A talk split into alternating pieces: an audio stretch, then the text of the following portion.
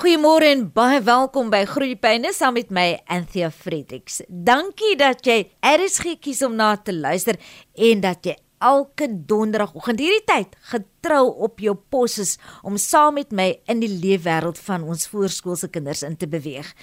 Nou die meeste van ons was as kinders bevoorreg om 'n pop of twee te kon hê. Dalk het jy vandag nog jou gunsteling, dis nou as daardie pop nie op die ashoop beland het nie.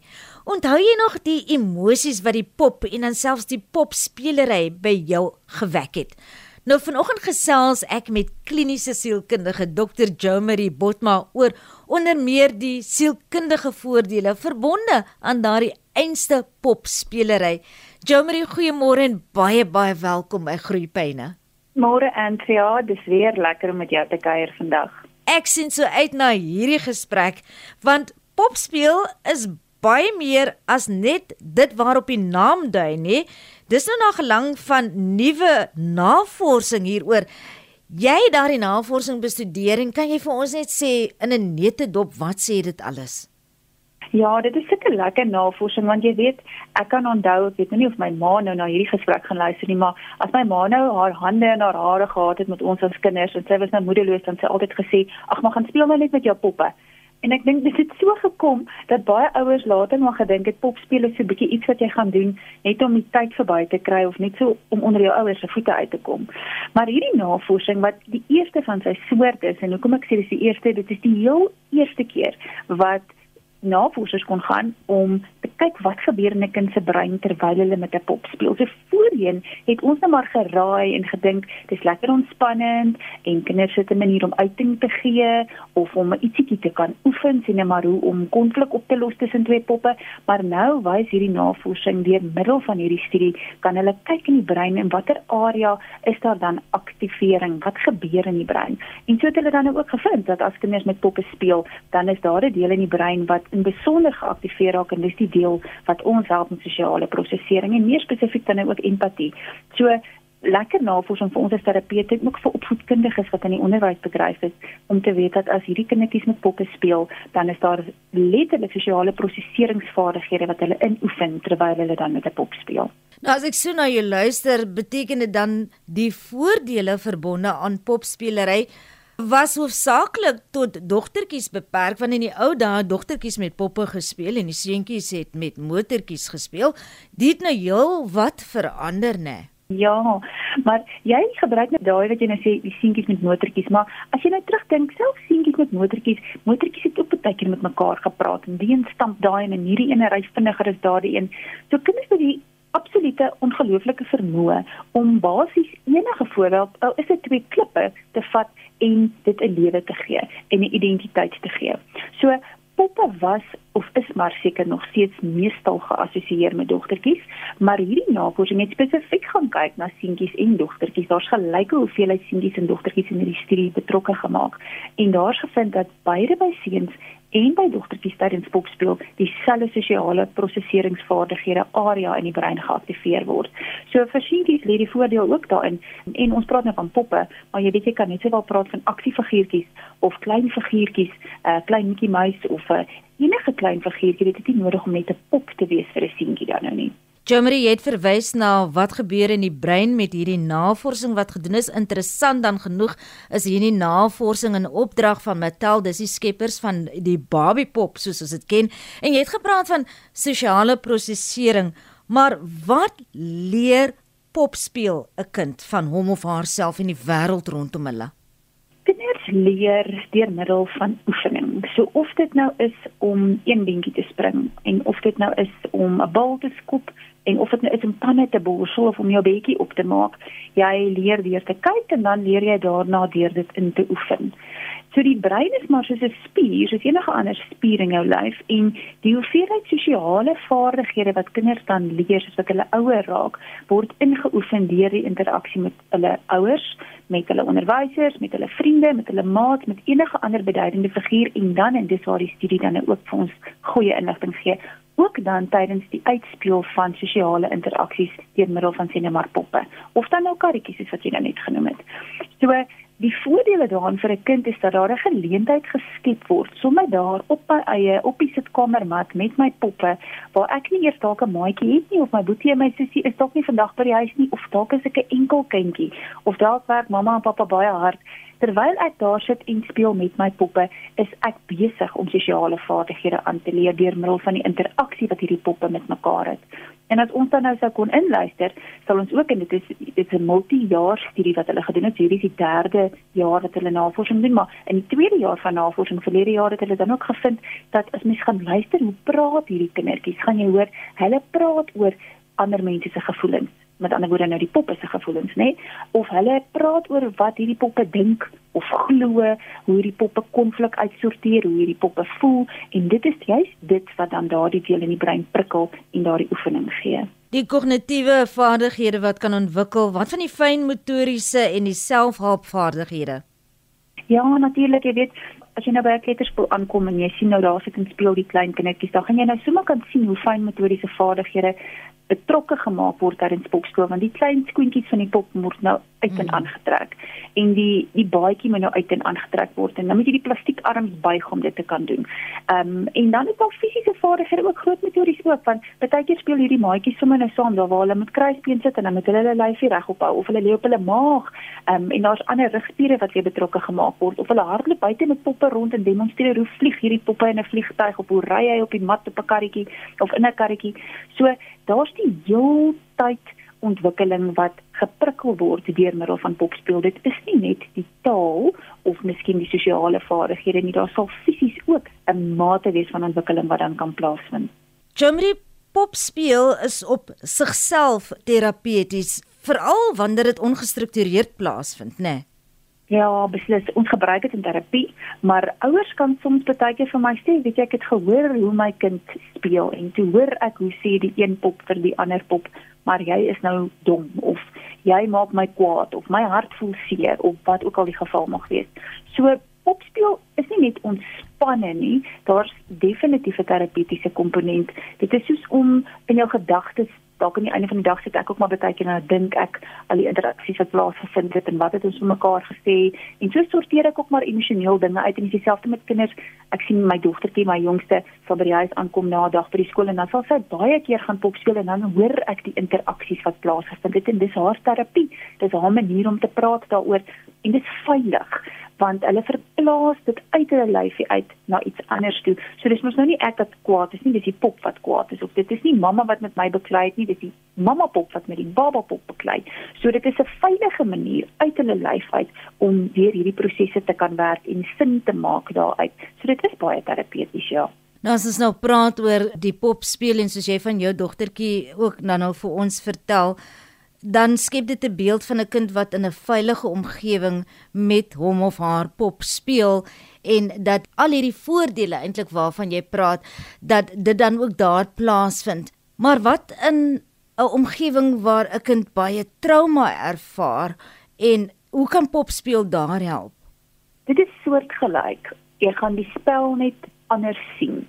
So poppe gaan dalk op 'n ander manier hanteer raak. Dit mag dalk baie destruktief wees. Dit mag dalk baie hardhandig hanteer word. Daar kan dalk baie konfliksituasies uitgespeel raak. So dis baie dieselfde, maar die inhoud daarvan lyk anders en die hantering daarvan lyk anders. En dit is dit is waar trauma natuurlik dan ook deurgewerk kon word of in die geval van forensiese werk waar daar dan inligting bekom sou kon word oor oor sekere aspekte. So dis nie net die spel wat kan gebruik word terapeuties in die mooi sin van die woord of in die ontspannende sin van die woord of in die ontwikkelingssin van die woord nie. Dit kan ook gebruik word deur die deurwerk van trauma of hartseer of selfs net aanpassing. Ek het direk terug 'n klein dogtertjie gehad in terapie wat so gesukkel het met bedmat maak en hoe sy dit kon uitspeel in die pophuis met hierdie klein poppies en hoe éventueel kon ons die situasie aanspreek, maar dit was die medium van terapie wat daar gebruik is vir haar om deur dit te beweeg sonder dat ek nodig gehad het om vir haar te sê maar jy maak jou bed nat. Het sy vertel van hierdie klein poppie wat dan nou elke aand die bed nat maak. So die verplasing daarvan uit na iemand anders toe maak dit ook veiliger vir die verwerking van trauma. Op watter stadium Jomari moet daardie nabootsingseffek amper? Hoe benader ons so 'n kind as 'n mamma en 'n pappa en nie noodwendig 'n terapeut soos jy en 'n kliniese sielkundige nie om by die werklikheid uit te kom of moet ons maar 'n kenner gaan sien as dit lyk asof daar deur popspel iets vir ons gesê wil word? Ja, ek verduidelik dit altyd so. Ek dink baie keer moet ons maar bietjie ons instink glo en volg. So as daar uit die normaal gespeel raak met poppe. Daar's goed wat jy hoor as 'n ouer en dit klink nie vir jou lekker nie. Ehm um, daar's dinge wat jy sien wat poppe met mekaar doen, joeg en dit voel nie vir jou lekker as jy daarna kyk nie.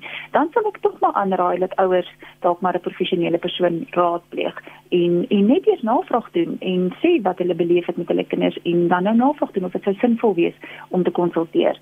Maar baie keer as ek hoor hoe my kind uitspeel dat die juffrou sê net maar kwaai was vandag by die skool, dan help dit of jy 'n terapeut mamma is of nie, dan help dit om sommer net te gaan saamspeel. Vat ook daar 'n pop of vat 'n karretjie en gee dit 'n stem en gee dit 'n naam en gaan sit daar op die mat en speel saam en vra vra. Soos en toe en wat sê die juffrou toe en hierdie een is nou baie hartseer of en toe help hierdie een daardie een. So jy jy raak ook nie meer die mamma nie. Jy raak nou ook 'n figuurtjie daar op die mat waar jou kind speel. En daardeur help jy jou kind die inligting prosesseer. Wat baie keer gebeur daarna is kinders sal daarna dan kom gesels oor dit. Want nou het hulle een keer al 'n kans gehad om dit uit te speel. Hulle het een keer 'n kans gehad om dit deur te werk en dan is dit vir hulle makliker om daaroor te praat. Of die mamma kan self na die tyd gaan, vanaand later of môreoggend self en sê, "Ons het nog gister so lekker daar op die mat gespeel, maar ek wonder, ken jy ook juffrouens wat so kwaai is soos daai kwaai juffrou Pop wat gister daar gespeel het. So ouers kan dit baie effektief by die huis gebruik om 'n kind se taal te praat en aanklank te vind by 'n kind om dan inligting te kry en jou kind te help om dit te prosesseer of dan nou ook as jy bekommerd is dan 'n uh, terapeut te gaan sien om verder te help. En so gesels my gas vanoggend hier in Groepenne, dit is Dr. Jo Marie Botma, 'n kliniese sielkundige. En soos jy kan hoor ons gesels oor die voordele verbonde aan popspeel. Ja, popspeel. En Jomery, die eerste deel van ons gesprek het ons gefokus op uh, kinders wat met poppe speel of dan enige voorwerp wat 'n maatjie voorstel iemand anders met wie jy kan speel dat jy nie net met jouself gesels nie. Hierdie navorsing wat gedoen word, is daar ook gekyk na kinders wat dalk op die neurodiverse vlak is, kinders op die spektrum?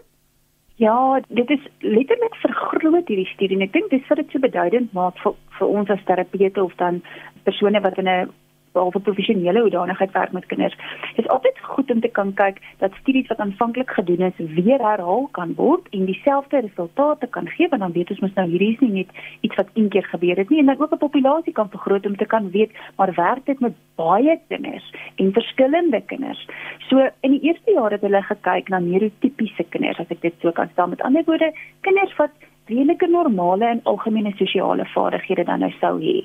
En die derde jaar het hulle spesifiek gaan kyk na kinders tussen die ouderdom van 4 en 8 en meer kindertjies wat neurodivers is, wat tipiese simptome of sosiale skills of vaardighede dan nou het wat op die neurodiverse spektrum soos autisme sal val. En interessant genoeg het hulle soortgelyke en dieselfde resultate bevind wat baie gerusstellend is want ons weet juis dit is daardie sosiale komponent wat soms nogal uitdagend kan wees vir neurodiverse kinders en hier's nou 'n manier om dit dan nou speel speel te kan oefen en dit dan nou deur middel van poppe. Jeremy as ek as ouer bevoorreg finansiëel bevoorreg genoeg is om vir my kind 'n mooi pop te kan koop. Wanneer ons winkel toe gaan, moet ons dat hulle self kies?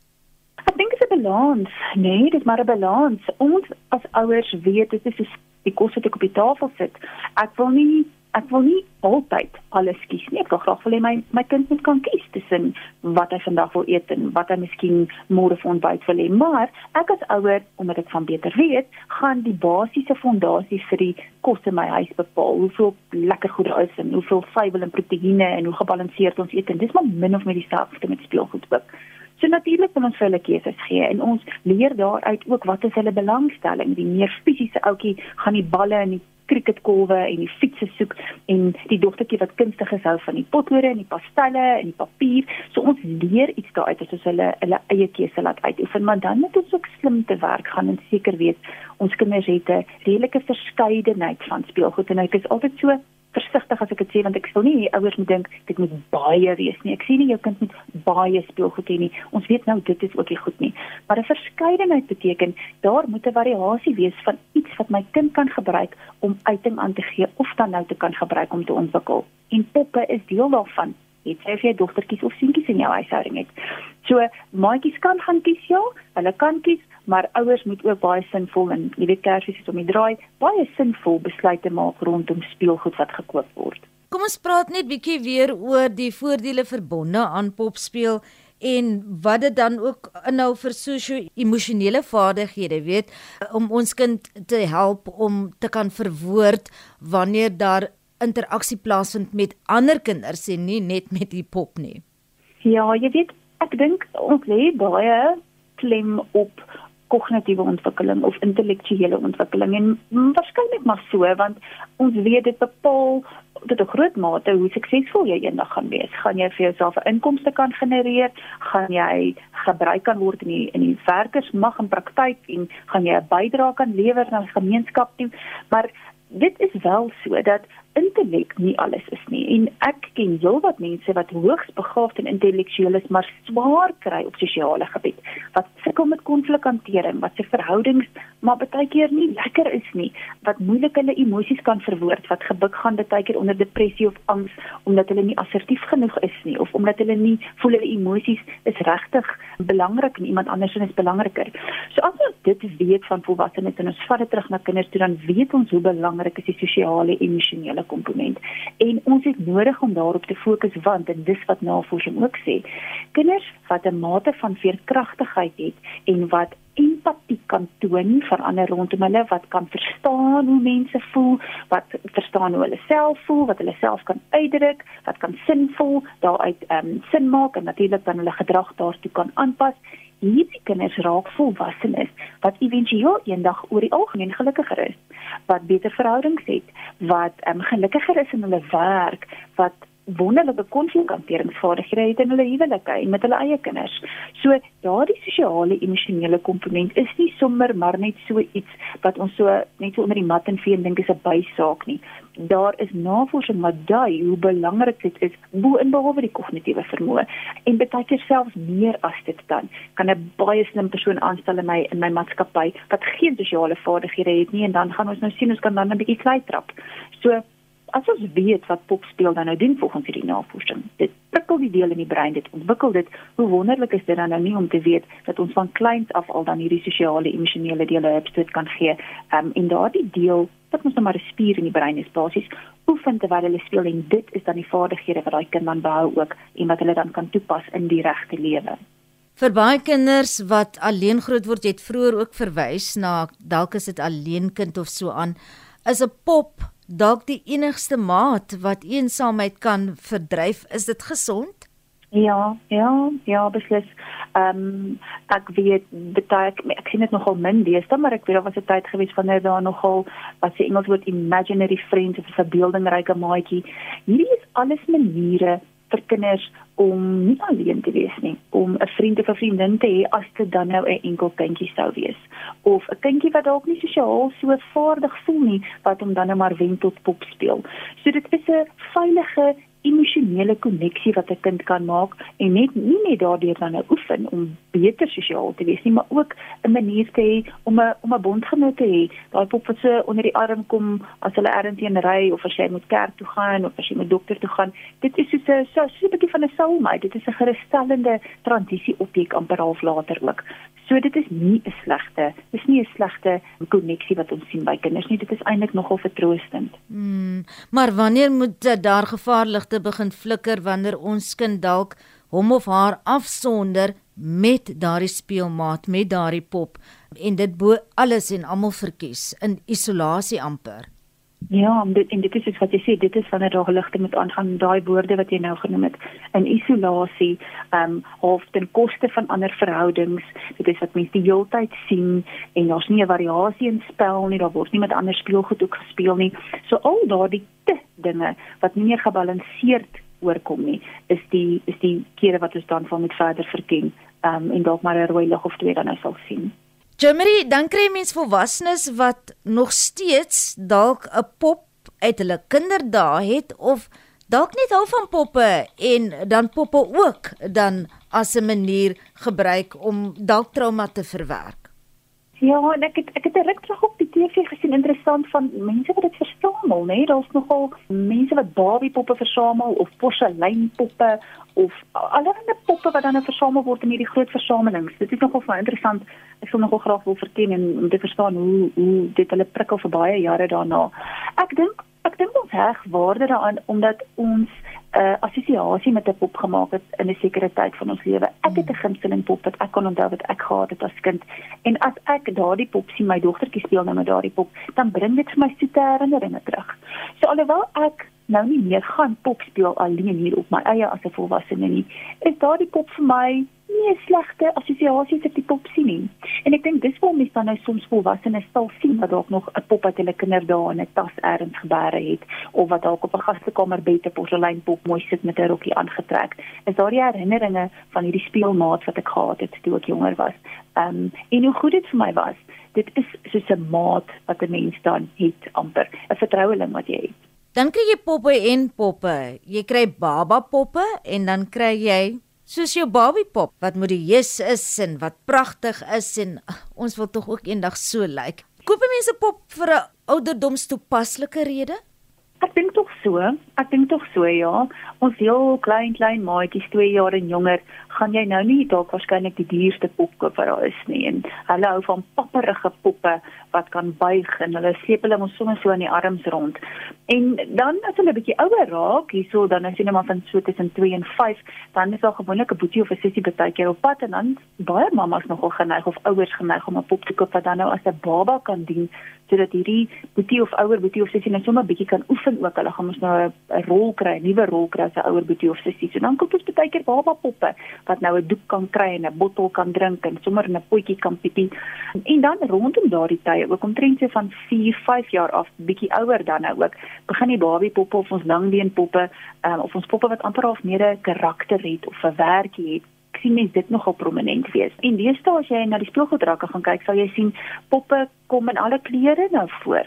Ehm um, en selfs ek weet Barbie het nou onlangs 'n Down syndroom pop ook uitgebring en daar's poppe in rolstoele en daar's 'n vlieënierpop en 'n juffrou pop en 'n veeartspop en dit is ook alles goeie opmiddels vir kinders om te kan identifiseer um, met 'n pop wat eie is aan hulle of 'n pop wat hulle wil gebruik om 'n spesifieke iets mee uit te speel. So ja, ek dink nogal nagelang van 'n kind se ontwikkeling verander die poppe ook wat in hulle speelgoedkiste van hulle kamer is, nagelang van hulle behoeftes en hulle vaardighede. En so ter afsluiting, Jo Marie, as jy alles vir ons mooi kan saamvat en met ouers vanoggend 'n laaste woord van wysheid kan deel rondom pop speel. Ag, ek was opgewonde toe ek die eerste keer hierdie navorsing in 2020 gesien het en ek was opgewonde vir twee redes. Die eerste rede is 2020 was so in die middel van COVID en ons was almal so bitter bekommerd oor ons kinders se sosiale vaardighede en genigtig te maak die skole ook vir so lank toe. En toe kom hierdie navorsing uit en dit is nie gedoen vir COVID rede nie. Interessant, die navorsing is toe net gepubliseer, so dit het nou al jare wat voor dit begin. Toe kom hierdie navorsing uit wat sê terwyl my kind daar alleen self sonder 'n maatjie met 'n pop sit en speel, doen dit iets vir die brein. Daar's ontwikkeling wat plaasvind en dit is gerusstellend vir 'n ouer om te weet. En dit is wat die studie verder aangegaan het, het dit wonderlike inligting vir terapeute, vir opvoeders en vir ouers gebring wat verduidelik dat ons kinders maar gerus weer kan teruggaan na die ou speel soos wat ons groot geraak het. Hierdie gesofistikeerde spel is alles wonderlik, of vir kinders speel goed, geen probleem daarmee nie, maar die ou manier van speel met 'n pop, ja, op die mat in die sitkamer of buitekant in 'n boomhuis of op die grond op die gras buitekant, dit is alles wonderlike maniere vir 'n kind om sosiale vaardighede aan te leer.